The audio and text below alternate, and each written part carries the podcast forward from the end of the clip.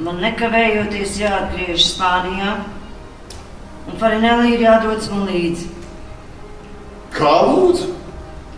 Viņa auditorija Spānijā būs ļoti īpaša. Jā, jā, par to mēs varam parunāt pēc izrādes, tāpēc... Man atbildi vajag nekavējoties. Redziet, es nevaru atbildēt maestro vietā. Es esmu dzirdējis Londonā runā, kā lai jums to labāk pasaka, jums neklājas viegli, jums klājas smagi. Kundze, mēs esam mākslinieki, kaut kā mēs tiekam galā. Mm, mākslinieki vienmēr kaut kā izkuļas, vai ne? Bet Varinēlī pakalpojumi nav lēti. Es jums noziedošu. Spānijas karalis Filips V ir sajucis prātā, un viņa mīlošā sieva Izabela nolēma atvest uz Spāniju pasaules slaveno dziedātāju Farinelli, kura debesšķīgā balss tā sajūsmina publiku. Uz laiku mūzika glābj karali, karalisti un pat karalisko laulību.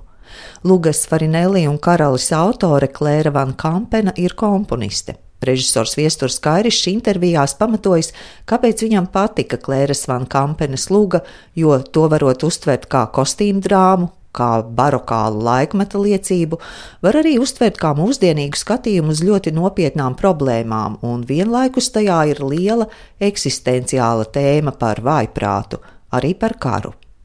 Karaļa lomā ģērbs ķesteris. Pēc pirmizrādes aktieris dalījās, kā veido savus skatuves varoņus, arī šo karali Filipu V.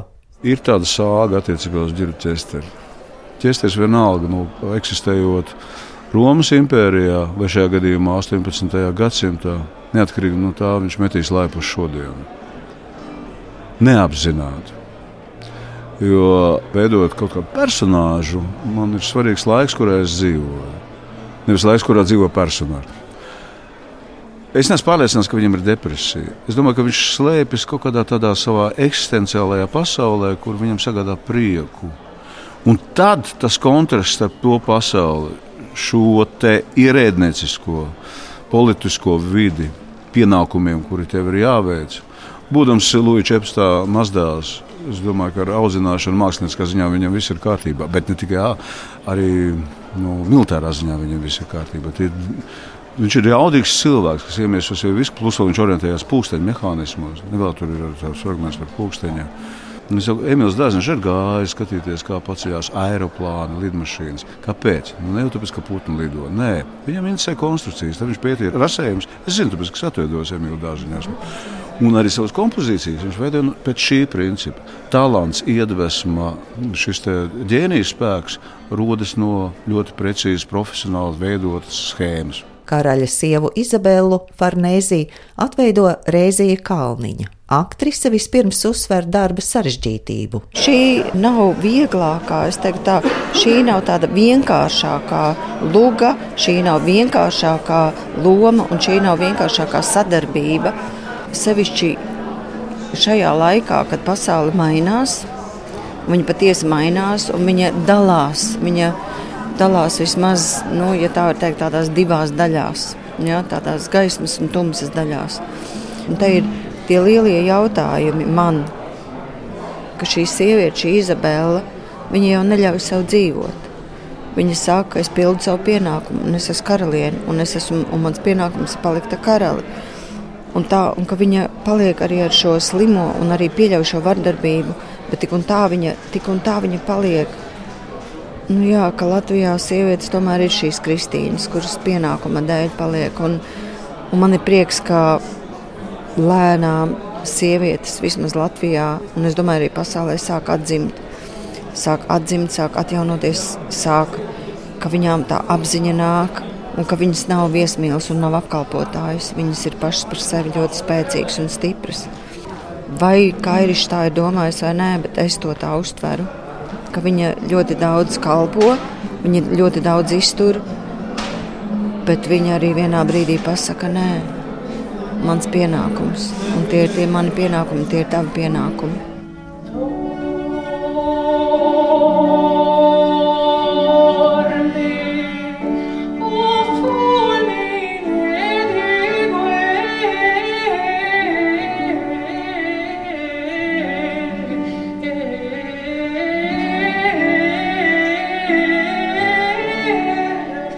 Farinelī lomā redzams aktieris Arturs Krastīņš un solists Rūdis Cebulis, kuram izrādes mūzikas konsultants Juris Vaivots un režisors Viesturs Kairišs uzticējuši izdziedāt smalki barokālos Georga Friedrika Hendeļa skaņdarbus.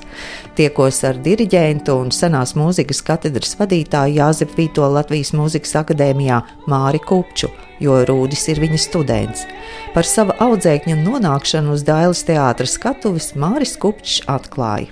Jūras vaivots un arī, arī zin, viesturs Karišs, viņi meklēja kaut kādu nu, ideju, kurš var būt tas varenēlīt dziedātājs, tam, tad uh, es biju iesaistīts to, kas man parādīja viņiem Rūdi, kas pie mums studē senās muzikas katedrā un nu, faktiski ir unikāls balss īpašnieks. Man tas arī likās, nu, ka tā sasodīt labi, ka tā sakrīt un, un, un es, es noteļ apsveicu to, ka viņi tādu projektu taisīja. Bet tas rezultāts, nu, ir, nu, tas ir ne no manis atkarīgs. Neko es tur, kā mēs tur šo tādu muziku tur ierakstījām arī ar, ar baroku orķestra grupu, gan teiksim, ar orķestru. Kā kaut kas tur skan. Tā kā visnotaļ mēs skatījāmies. Nu, Nu, ar interesi, nu, kas tur ir sanācis. Un, nu, bet jāsaka, ka godīgi es skatījos to, kā tur rūdim tur sanāk, jo, kā zināms, viņš tur, viņš tur, tur lidinājās tur pa gaisiem. Tur, tur, tas, tā, nu, protams, ka grūti dziedāt. Bet viņš turējās malācis un man ļoti, ļoti liels patiesas prieks par to.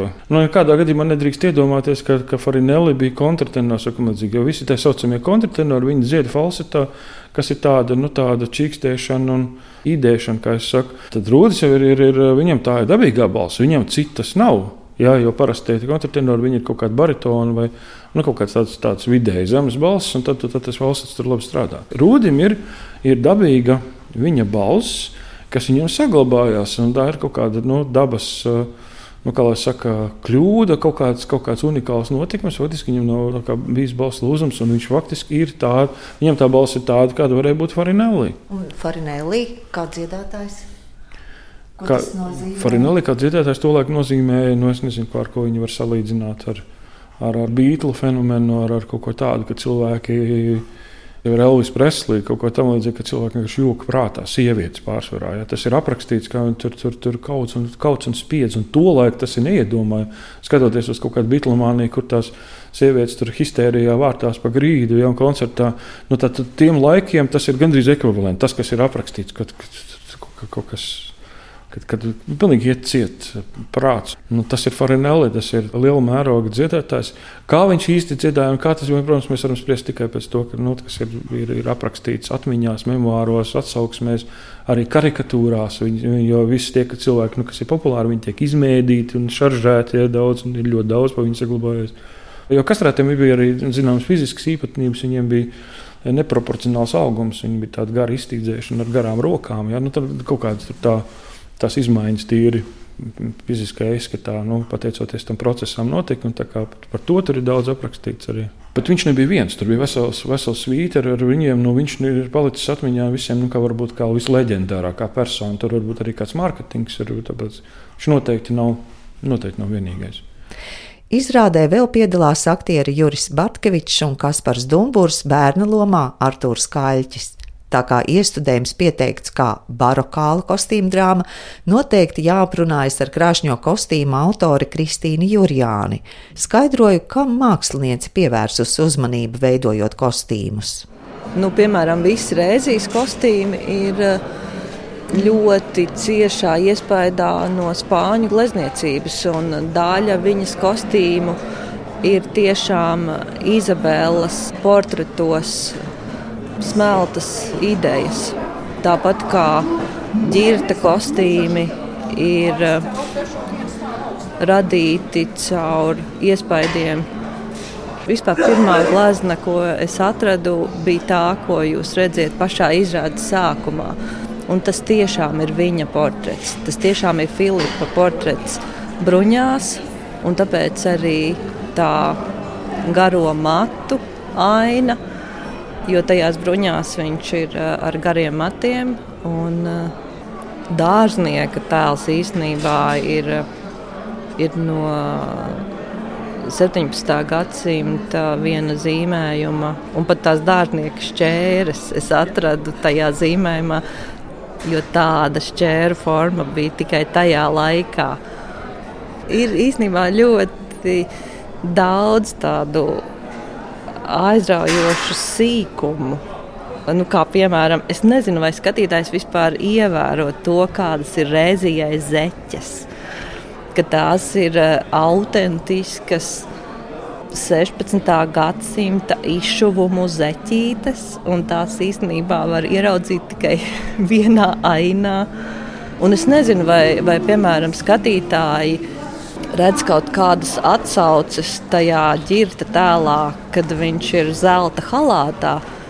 Bet eh, tad, kad mēs šeit strādājām uh, un no zāles to vērojām, tad mūsu tajā vizuālajā sajūtā. Girda tēls bija ļoti tuvs pāvesta tēlam. Viņš kaut kā tik līdzīgi kustējās ar Jānu Pāvilu. Un uh, viss tas siluets arī to, kā ir jāpaceļ tās sutanas malas, kaut kādā veidā uh, ļoti saistījās ar pāvesta tēlu. Savā būtībā jau, protams, ka tie tēli ir kā tādas porcelāna figūriņas, un tā viņi arī droši vien ierakstās skatuves eh, brīnišķīgajā scenogrāfijā. Izrādes scenogrāfs ir Reinis Suhānovs, gaismas mākslinieks Jevgenijs Gansburgs, horeogrāfa Jāna Jācuka. Turpinu sarunu ar Kristīnu Jurjāni. Ja pāris vārdos lūgtu baroku raksturot, kas tam ir raksturīgs un ko skatuve ļauj atklāt? Nu, skaidrs, ka ja es taisītu kino, tad es eh, strādātu pavisam savādāk. Šis ir uh, teātris formāts, un tā ir teātris stilizācija. Tā neapšaubām ir teātris stilizācija. Tā ir eh, siluetu attīstīšana līdz pilnībai, lai jebkurā situācijā siluets nolasītos perfekti un savā ziņā arī stāstītu par tēla raksturu. Jo skaidrs, ka tas, nu, šīs lietas, jebkurā gadījumā, strādā kopā. Jebkuru no kostīmiem es veidoju tikai konkrētiem aktieriem. Tikai domājot gan par Rēziju, gan par Girtu, gan Artūru. Bez viņiem tā būtu tikai vienkārši drēbe tas, protams, ir tikai iespējams kopā ar viņiem. Bet eh, jā, tas barokālais krāšņums, tāds rotaļīgums, krāsu spēks, bet eh, tas viss ir gleznās. Tas nav manis izgudrots. Es to esmu atradusi gleznās. Es vispār apsveicu jebko, kas ataino kaut kādu baroku laiku, jo jāpriecājās jebkura pieminēšana, jā, un ka te daudz maz arī ir Nu, es noteikti varu atzīmēt, ka tērpu tā stilistika nu, kaut ir kaut kādā saskaņā ar laiku, nu, nu, nu, lai tas ir ļoti stilizēts un tā, bet nu, vismaz nu, tas ir kaut kāds priekšstats. Es, es par to vienmēr priecājos, jo tas tomēr dod priekšskatu eh, mūsu cilvēkiem, kas dabīgi nu, lielā tiesā nav izglītoti un, un, un, un nezina nekādas finisas un arī zem tērpos, bet viņi tad vismaz kaut ko kaut ko sāk saprast, ka tur tā līnija izskatās, un kāpēc viņiem tie žesti arī automātiski tajos tērpos kļūst savādāk arī kā aktieriem par spīti tam, ka tas viss ir nu, ļoti, ļoti mūsdienīgs un, un, un, un, un tā tālāk. Un tā tālāk. Un tāpēc es ap, apsveicu to, ka vispār šādi izrādi parādās. Nu, tas likās, likās ārkārtīgi labi. Un īstajā laikā, nu, kur nu vēl pēc tam, ka, ka izrādījās, ka Rūdis varētu tam atbilst, un, un tas pašam galvā saslēdzas ar lielu prieku, ka jā, nu, tas ir labi.